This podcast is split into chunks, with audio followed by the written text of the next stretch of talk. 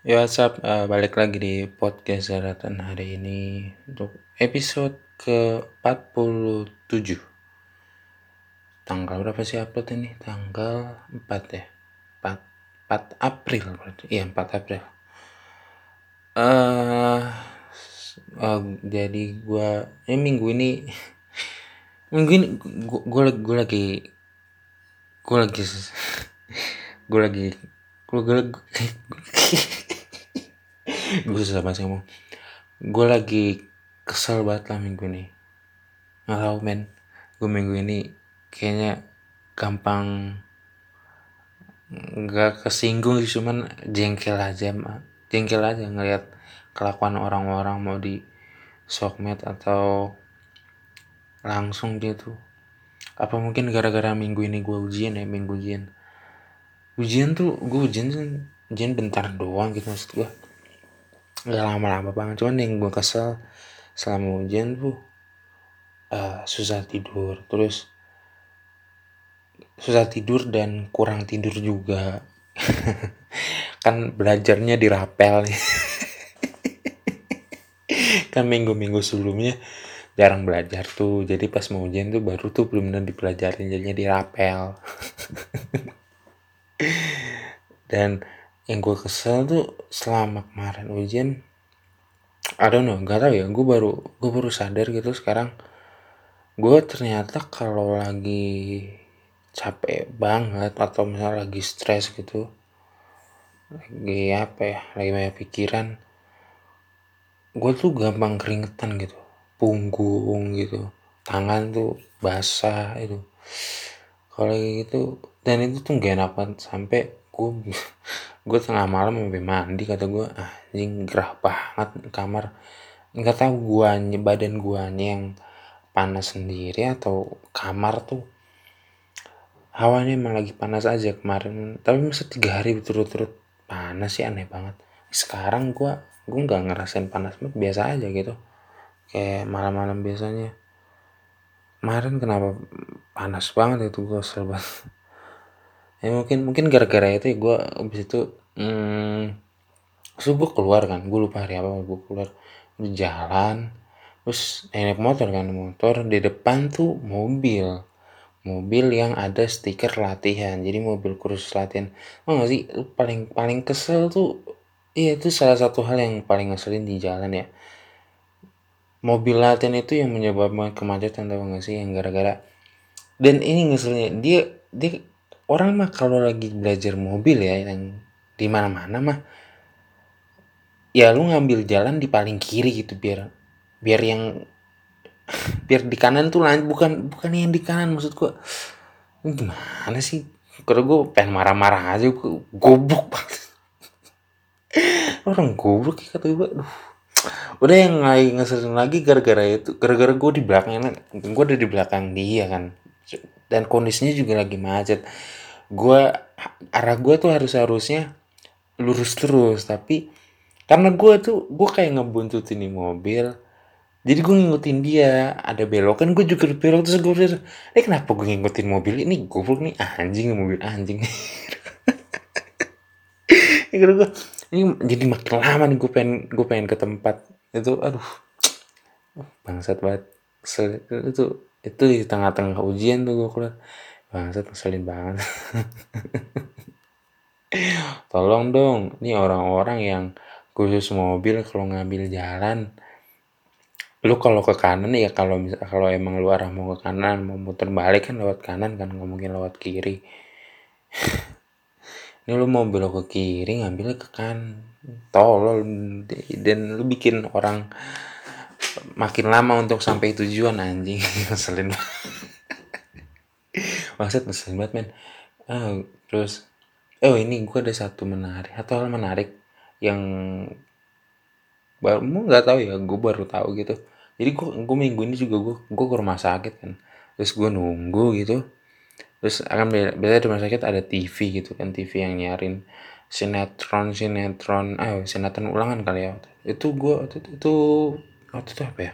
Oh Indosiar. Gue udah lama gue nonton Indosiar itu di kota uh, kemarin tuh di rumah sakit tuh. Terus ada iklan di bawah. Ada iklan yang kayaknya iklan iklan dari Indonesia sih soalnya tulisannya uh, Anda mau beriklan di TV gitu. Uh, hubungi bla bla bla bla bla bla. Terus gue mikir tumben kok perasaan dulu terah dulu waktu gue masih ya masih kecil lah lagi sering masih sering sering nonton TV kayaknya kayaknya nggak pernah ada lu uh, ada iklan begitu di TV itu sampai. Apa apa iklan di TV itu udah berkurang ya sekarang ya? Karena ya mungkin bisa jadi kali ya. Uh, iklannya iklan medsos lebih works di YouTube lu lihat ada banyak banyak ya ya tapi sebenarnya kalau di YouTube uh, iklannya itu itu aja sih snack video lah snack video. Anjing kan nggak jelas kampret. Emang banyak ya yang gunain itu ya? Anjing mau pamer pamer badan doang. Mending bagus kata gue but anyway uh, iya aneh tahu ada kalau TV udah mengiklankan jasa iklannya sendiri maksud gue dulu itu nggak pernah apa. Padahal padahal iklan tuh salah satu pemasukan terbesar loh dari TV itu iklan eh, lu naruh iklan di TV kan lumayan tau per menit itu. Per menit apa? Aduh per menit atau per detik ya nggak tahu deh. Kayaknya per menit deh. Dan itu mahal loh. Kan di, bisa diulang-ulang di prime time prime time. Bisa ya bisa di di jadwal iklannya atau di pas eh, suatu acara gitu terus ditampilin. Ya itu salah satu salah satu pemasukan TV lah. Kalau tapi kalau TV udah kekurangan iklan wow. Tidak heran kalau banyak yang resign atau banyak yang di PHK apa lagi sih minggu ini ya? News news berita gue berita gue kurang Eh berita terakhir yang heboh itu ya soal bom bom di Makassar. Iya gak sih? Itu bom di Makassar gak sih? Yang itu itu minggu ini minggu kemarin ya? Apa gua? Atau yang terbaru yang bom di Mabes Polri? Eh, uh, oh enggak, bukan yang itu. Jangan itulah, gue nggak mau ngebahas itu ah. Terlalu itu, gue gue gue mau ngebahas tapi gue mau nanti ya sambil jalan siapa tahu bisa kebahas gue mau ngomongin soal ini apa yang kemarin tuh sempat heboh juga. Uh, berita konsep ibu kota baru gitu tuh nggak sih? Kayak kantor ya? Kantor presiden bukan sih kalau nggak salah kantor presiden. Yang ada gambar Garuda itu terus pada banyak yang terus konsep uh, banyak yang ya netizen marah-marah buang-buang duit konsep nggak jelas gambar begini nanti netizen uh, apa prakteknya nggak sesuai dengan itu. Ya ya ya gimana? Ya negara punya duit ya ya, ya mereka merasa punya duit ya jadi ya pakai lah duit mah. Ya kenapa sih lu pada marah marah-marah aja? Yang yang kalau mereka merasa mampu ya ya nggak apa-apa. Satu ya kalau mereka mau ngebuat yang heboh-heboh ya terserah liatin aja nanti hasilnya baru kita kritik komentarin ini belum ada ini baru konsep aja.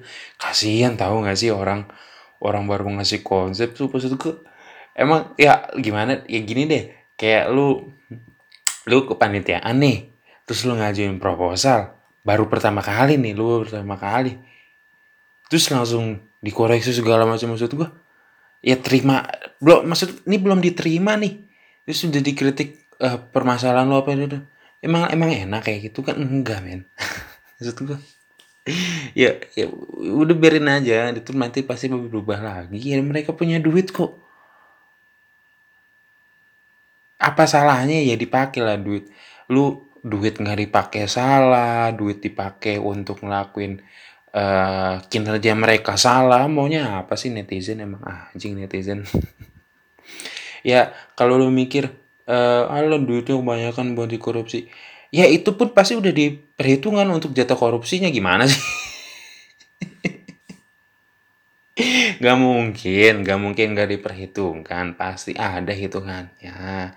Nih, oh ini jatah ini nih jatah sayap, jatah kepala garudanya, jatah untuk bikin ruang presidennya begini gini gini dilebihin nih untuk jatah ini ini ini. Ya pasti ada dong. Aduh, aduh. Oh gue lupa lagi ada polisi cyber anjing ngomongin gini. Aduh bangsat.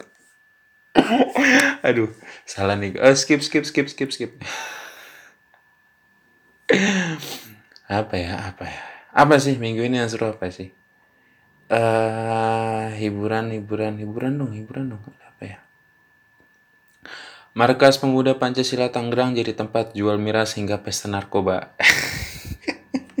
ya Allah. Well, well. Ya, ya mungkin uh, itu salah satu cara mereka ya untuk survive di masa pandemi dengan berwirausaha. Aduh lucu banget. berwirausaha But ya ya ya ya maksud gue gini uh, kan miras juga dijual ya banyak yang dijual tempat-tempatnya ya mereka udah dapet izin kan nih kan? Nggak tahu ya nggak tahu nih ya. But pesta, pesta narkoba mungkin uh, apa ya? Gue mau mencari sisi, positifnya. Uh, ya salah satu bentuk perayaan mereka mungkin mereka dapat cuan dalam satu bulan pertama dari jual miras itu. Well we don't know. Ya. Pemuda Pancasila jual miras. Oke siap. Aduh lucu banget sih. Aneh-aneh aja orang. Ya kasihan juga ya uh, organisasi-organisasi. Ya mereka mau ngasih mau ngambil iuran dari anggotanya. Anggotanya kesusahan kan kan kan beban juga gitu maksudku ya nggak apa-apa lah. Ya udah terserah lah. Yang penting lu bisa dapat penting udah dapat izin segala macam why not? Jokowi dan Prabowo jadi saksi nikah Aurel Atta Halilintar oh gila. Langsung top tier negeri ini loh saksinya. Gue tapi gue gini gue mau pertanyaan. Uh, saksi dari pernikahan itu ya? Ini setahu gue ya yang gue nggak terlalu tahu nih soal pernikahan tapi setahu gue saksi pernikahan itu gunanya itu ya namanya juga saksi ya saksi ya saksi mata gitu. Supaya nanti uh, mungkin ada apa-apa dalam pernikahannya saksi itu uh, bisa memberikan keterangan gitu ya maksud gue kenapa sih saksi itu kebanyakan ya yang gue berarti nih masyarakat tuh selalu orang yang lebih tua gitu. Kenapa lu nggak ngambil orang yang seumuran sama lu gitu. Maksud gue nanti kalau misalkan ada apa-apa nih di pertinggahan lu terus saksinya udah meninggal itu gimana caranya? Orang saksi saksi resminya udah meninggal nah lu mau apa lu? Tapi ya sedang, sedangkan yang dibutuhin yang resmi gitu tapi dia udah meninggal lu, lu mau gimana gitu? Maksud gua ya mungkin ya meskipun uh, kalaupun seumuran uh, siapa tahu dia meninggal lebih dulu kan kita nggak tapi kan probabilitasnya kalau saksi lu lebih tua. Apalagi ini kan udah udah masuknya orang-orang yang udah punya cucu nih. Kan uh, aja lebih dekat lah dengan mereka gitu. Daripada daripada kita yang seumuran gitu. Maksud gue kenapa kenapa kenapa? Kalau gue sih nanti nikah gue sih pengen yang seumuran ya. Gue nggak mau orang yang lebih tua gitu. Enggak sih gue nggak mau. Aneh buat apa juga orang yang lebih tua nanti kalau ada apa-apa terus kita butuhin dulu ya udah meninggal. Kan nggak mau. Jangan lah nggak enak lah kayak gitu men. Dan nggak tahu ya uh, dia di dia disiarin nggak sih? Gue nggak tahu ya. Gue nggak gue jarang gue jarang lihat TV segala macem. Apa asal dulu lah. Banyak yang protes juga males apa nih lagi sih berita yang seru berita yang seru berita yang seru berita yang seru Bupati Bandung Barat jadi tersangka korupsi proyek COVID-19. Well, bener ya? Ya, ini baru bupati. Dari kementeriannya juga dong, usut dong. kementeriannya udah dapet nih ini kambing hitam kambing hitamnya kan udah dapet nih yang pernah gue bahas kan kambing hitamnya udah dapet nih itu top tayarnya lah bawa-bawanya lagi tuh susu sampai ke tingkat RT ada banyak men. Ya. emang emang bansos yang lu terima tuh bansos yang lu terima tuh emang awalnya seperti itu? Enggak. Enggak. Ya Allah. Aduh aduh gue ngeri ngomong gini. Ntar tiba-tiba. Nino Nino aduh. Nggak apa-apa lah belum terkenal ini nggak apa-apa lah berani aja lah. Lihat eh, pokoknya kalau sampai ada gue disamperin itu berarti lo nih yang dengerin ngadu nih emang lo anjing. Udahlah udah mah gue nggak terkenal podcast ini nggak menghasilkan apa-apa uh, follower Instagram gue nggak naik. Ini juga listener yang nggak nggak nggak banyak banyak amat lu ngaduin gue lu anjing sih men. Lu mau lu iri apa sih dari gue oh kemarin yang soal apa? Teroris di Mabes Polri ada surat wasiat segala macam. Kalau lihat gitu isinya melarang ikut pemilu eh, pokoknya demokrasi dia nggak setuju segala macam. Sebenarnya isu terorisme eh, radikalisme radikal itu kan sebenarnya kan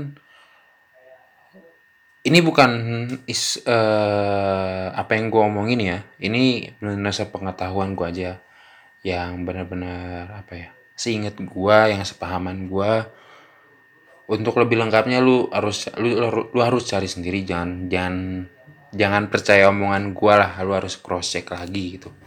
Radikal itu kan sebenarnya sama dengan kayak lu memberontak gitu kan.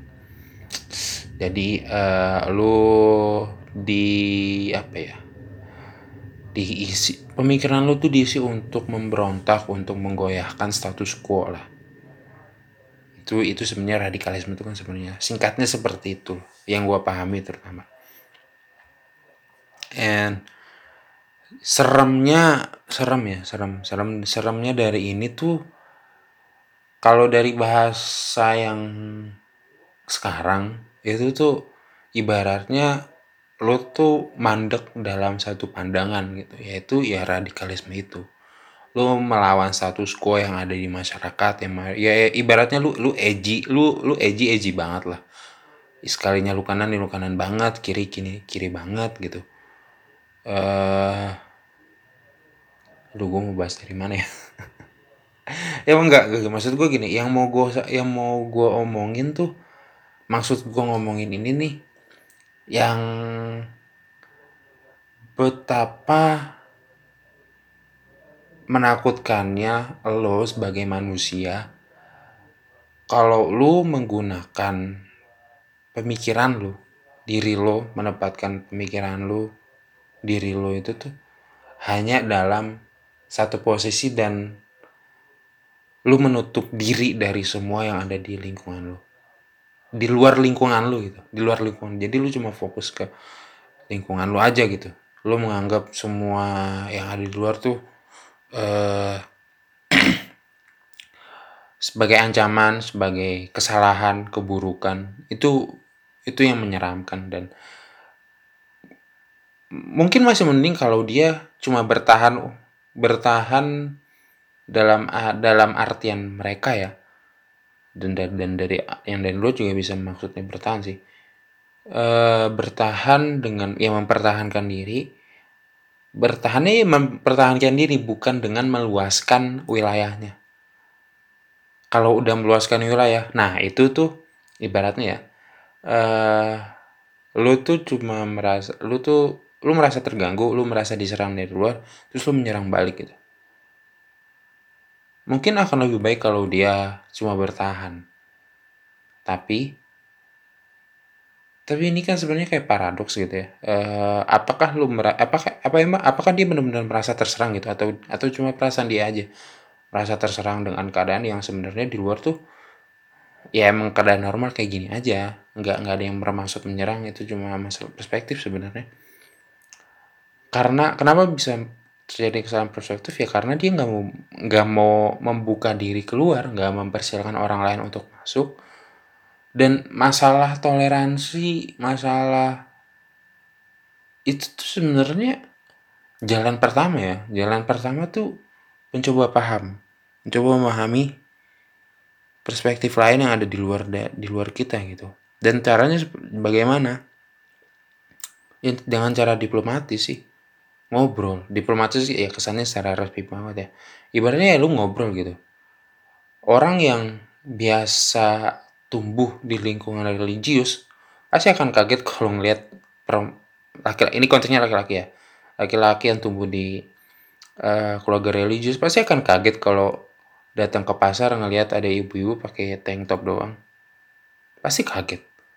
Pasti mereka kaget ngelihat ibu-ibu yang pakai kerudung tapi bajunya pendek pasti mereka kaget. Karena mereka diajarkan ya sesuai dengan nilai-nilai mereka nilai-nilai dari keluarga mereka. Dan yang dikhawatirkan sesama ini dari anak-anak ya. Gue gue gue takut sih kalau dari anak-anak. Anak-anak kan pikirannya masih bertumbuh gitu ya. Kayak apa yang lu pikirkan lima tahun kemarin kan apakah masih sama dengan apa yang lo pikirin sekarang? Kan belum tentu. Pasti ada perubahan. Takutnya yang udah ditumbuhkan dari anak-anak tuh mengakar mengakar keras gitu. Udah udah udah nancep banget udah pakem banget. Jadi pas udah tumbuh mulai dewasa susah untuk menerima hal baru. Karena yang dia tahu hal-hal yang benar hal-hal yang itu ya hal yang yang diajarkan ke mereka nilai-nilai mereka aja. Sedangkan nilai-nilai yang di luar mereka dan di luar lingkungan mereka tuh salah. Yang udah ditanamin nama mereka dari kecil ya itu. Jadi susah banget dan prosesnya itu susah banget. Dan lu mungkin sering ngeliat video-video di sosmed di Instagram di Twitter di Facebook di Line. Anak kecil yang didoktrin uh, ngelihat perempuan gak ber kerudung, gak berhijab, dibilang kafir. Dengan mudahnya mereka ngomong, e, aku akan menyembelihmu. Itu translate ke Indonesia ya. Gua nggak tahu ngomong bahasa Arabnya. Terus dia katanya pendusta, bohong, akan masuk neraka. Lu bayangin men anak kecil ngomong gitu. Serem tau gak sih? Serem men. Lo itu serem banget men. Sedih tau gak sih? Dan tau gimana harusnya itu tadi cara gimana cara ngadepinnya. Dengan cara diplomatis atau bahasa ringannya tuh ngobrol. Lo harus tahu. Ya jalan pertama tuh ngobrol. Ngobrol itu ibaratnya itu apa ya lo kayak itu jembatan lo untuk masuk ke lingkungan yang lain gitu. Supaya lo tahu oh ternyata dunia tuh nggak di lingkungan gua doang gitu loh ngobrol aja supaya lu paham. Kalau lu nggak ngerti segala sesuatu ya tanya ngobrol apa sih kenapa sih lu kayak begitu? Orang yang nganggap uh, eh, PSK tuh merupakan sebuah pekerjaan yang dusta pasti nggak punya temen PSK kenapa kenapa gue ngasih contoh PSK itu maksud gue gini maksud gue gini. Orang yang nggak contoh yang lain contoh lain. Orang yang nggak punya teman laki-laki misalnya laki-laki.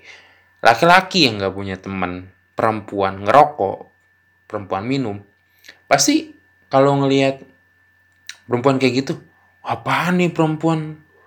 Masuk kayak begitu? Bla bla bla bla bla mangan jelas segala macam gue nggak berani gue nggak berani ngomong karena gue nggak pernah. Ah nggak nggak usah ngomongin gue ngapain ngomongin gue pasti mereka akan gampang ngejudge gitu tanpa tahu alasannya segala macam. Yang dia tuh yang kalau yang kalau orang udah tahu uh, atau punya teman-teman seperti itu pasti dia nggak akan ngejudge pasti dia ngerti kenapa perempuan itu kayak begitu. Pasti nggak akan ngejudge. Beda beda men untuk orang yang punya kenalan di berbagai lingkungan, responnya terhadap eh, hal-hal uh, baru di lingkungan itu yang meskipun dia belum pasti responnya beda sama orang yang lingkungannya itu itu aja. Dan pasti emang kaget dan pasti emang kaget.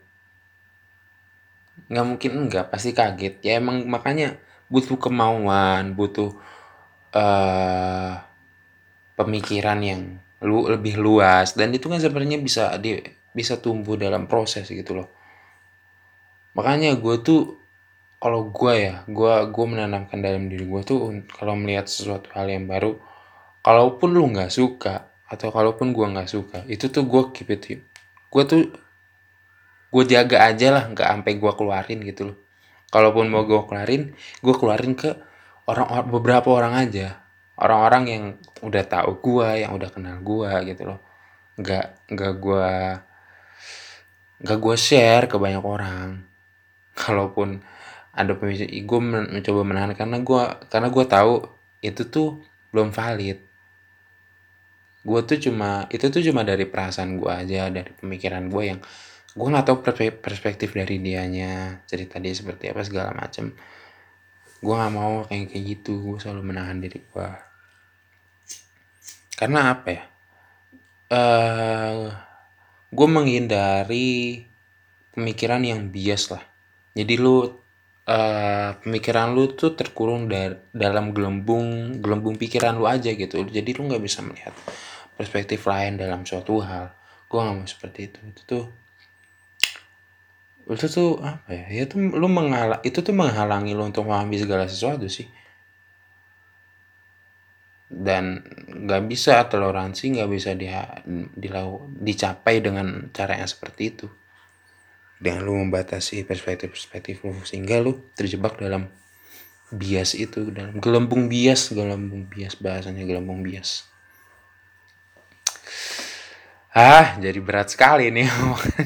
But, itu itu intinya yang pengen gue yang pengen gue sebutin. Uh, eh, gue gue tinggal dalam lingkungan yang cukup taat dalam nilai-nilai agama. Dan semakin gue tumbuh semakin banyak orang-orang yang gue temui itu jadi gini uh, eh, gue mau ngomong gini. Tinggal, aduh ini gue ngomongin gue ngomongin sedikit ya gue ngomongin sedikit. Gue sentuh sedikit tipis-tipis aja. Karena gue ragu-ragu. Jadi gue gue tinggal dalam gue tinggal dan tumbuh dalam lingkungan yang cukup konservatif lalu gue bahkan di sekolahin sekolah pertama gue uh, cukup ada label-label agamanya. Terus gue masuk ke sekolah negeri yang banyak banyak uh, teman-teman gue dari berbagai macam latar belakang. Gue ketemu gue kenal. Dan ini satu fakta yang cukup mengagetkan ya dan gue sendiri sebenarnya alamin kebanyakan ini ini dari perspektif gue ya belum tentu benar ya. Ini hot text nih hot text nih. Gue mau mengakhiri ini dengan hot text yang seru nih. Kenapa ya? Kebanyakan gue ulangin lagi yang gue alamin. Kenapa ya kebanyakan? Orang-orang yang tumbuh dan tinggal di lingkungan konservatif pada saat dewasa nilai-nilai itu nilai-nilai yang diajarkan dari kecil itu kenapa di umur-umur yang sekarang yang gue pak yang gue alamin itu semakin luntur? Maksud gue kenapa ya? Kenapa ya? Apa apa dulu tuh apa karena dulu tuh dia dikekang selalu dikekang. Sehingga pada saat dia merasakan lingkungan yang baru, lingkungan yang anjir nih beda banget nih, gue dulu gak kayak gini, tapi tapi ternyata gue bisa ngerasain loh. Sehingga dia mungkin mengabaikan bahasa kasarnya. Kenapa? Kenapa? Kenapa ya? Men, lu mungkin lu lu ngalamin ini, men please, ini yang dengerin ini sampai detik ini men please share share dong ke gue lo ngalamin itu, itu juga gak sih soalnya ini yang gue alamin loh banyak loh banyak banget banyak orang yang aduh ini gue bahas ini gue bahas nih gue gatel gue gatel gue gatel gue gatel pengen ngomong ini. Lo mungkin sering ngedenger atau kenal kenal orang yang dulu nih dulu waktu sekolah sholat rajin sholat sholat sunnah rajin. Eh pas kuliah. Eh eh sholat tuh antara aja bro terus lu lu seiring jalan waktu lu aja lu perhatiin nih orang. Nih orang kayaknya sholat nanti nanti aja kok kayaknya nggak sholat. Terus setiap lu ajak ya nanti nanti nanti nanti. Bisa lama dia ngomong gini gue mah sholat semau uh, ya kalau gue mau aja. Gue tuh nggak suka kalau diingetin sekolah segala macam. Yang maksud gue yang yang pokoknya dia menjadi orang yang berbeda banget kayak dulu. Lo kenal dan gue menanyakan kenapa gitu. Kenapa? Kok bisa dia yang dari kecil yang lo kenal dari dulu tuh uh, udah ditanemin nilai-nilai gitu loh. Kenapa tiba-tiba berubah 180 derajat? Kok bisa? Kok bisa? Apakah cara mengajarkannya salah? Atau apa? Atau apa yang gue nggak mengkritik itu gue nggak ngomong itu salah ya. Well well itu pilihan dia. Gue gue juga gue gue selalu menahan diri gue untuk ikut campur ke orang lain supaya orang lain nggak nggak ikut campur dalam urusan gue karena itu prinsip gue gue nggak mau gue nggak mau seperti itu. Jadi well terserah. Tapi gue mempertanyakan kenapa? Karena gue nggak ngerti. Karena tiap gue mau ngebahas tiap gue nanya gue nanya kenapa dia tuh selalu aduh lu gue salah ngomong nih aduh gue ngomong ya. orang itu tuh oh alasannya tuh gue tahu bukan itu sebenarnya alasannya. Dia masih menyembunyikan suatu hal yang gak dia mau bagi. Ya ya sebenarnya ya nggak apa-apa. Tapi gue tapi gue ngerasa nggak jelas aja gitu gue gue ngerasa ada yang gue tahu ada alasan ada alasan sebenarnya tapi dia belum nggak mau ngebagi aja gitu. Ya sebenarnya gue mencoba memahami supaya ya karena gue nggak ngerti kenapa lu seperti itu. Alasan lu menurut gue tuh apa ya bahasanya ya? Nggak real gitu loh. Itu tuh itu tuh bukan alasan itu ngeles aja sebenarnya nggak mau sholat nggak mau ibadah nggak mau diingetin ibadah gue ibadah. Kalau gue mau aja ya, bilang aja lu males kan sebenarnya gitu loh. Ya males mah males. Ya kalau males gue bisa terima banget. Udah jelas lah kalau males tuh oke okay, ya males ya males. Ya, gue juga beberapa kali pasti pernah ah males ah capek ah ya gue juga pernah ngalamin itu wajar mungkin kan dan saking lu udah biasanya males sehingga ya lu males makin males ibadah itu wajar. Tapi kalau alasan lu tuh gue nggak suka diingetin gue kalau mau aja maksud gue gue tahu itu bukan alasan asli lo itu cuma alasan ngeles lu. Kalau lu mau ngomong males ya males aja gitu loh. Gue nggak ngerti kenapa orang nggak bisa jujur dalam hal itu. Yang gue yakin dia pun masih ragu-ragu ini gue bener nggak yang ngakuin ini? Ah! ya Allah dia bahasan gue gue nyentuh ini nih jadinya. Aduh aduh aduh. Ah udah. Setengah jam gue ngomong ini ini nggak usah ada pertanyaan. Ah ngomong makin panjang. Udah ya. Thank you udah dengerin. Aduh ya Allah bahasan gue udah. Oke okay. see you next week. Bye bye